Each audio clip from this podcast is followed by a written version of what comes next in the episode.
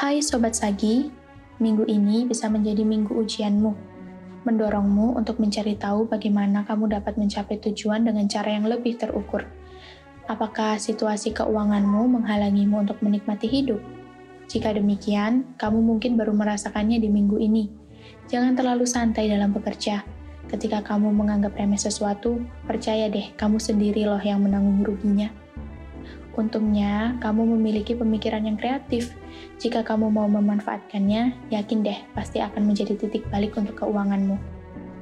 Dan kamu nggak boleh cepat merasa puas atas apa yang kamu dapatkan sekarang ya. Kamu juga bisa mengendalikan diri dengan sangat baik di berbagai situasi, sehingga kamu bisa menempatkan hal-hal di waktu yang tepat. Percintaan untuk Sagi Lovebird. Kamu sangat mencintainya, tapi sayangnya pasanganmu justru biasa saja. Coba saling bicara agar tahu isi hati masing-masing yang sebenarnya. Untuk sobat Sagi yang masih single, mencari pasangan belum menjadi prioritasmu saat ini. Kamu sedang benar-benar menikmati hidupmu.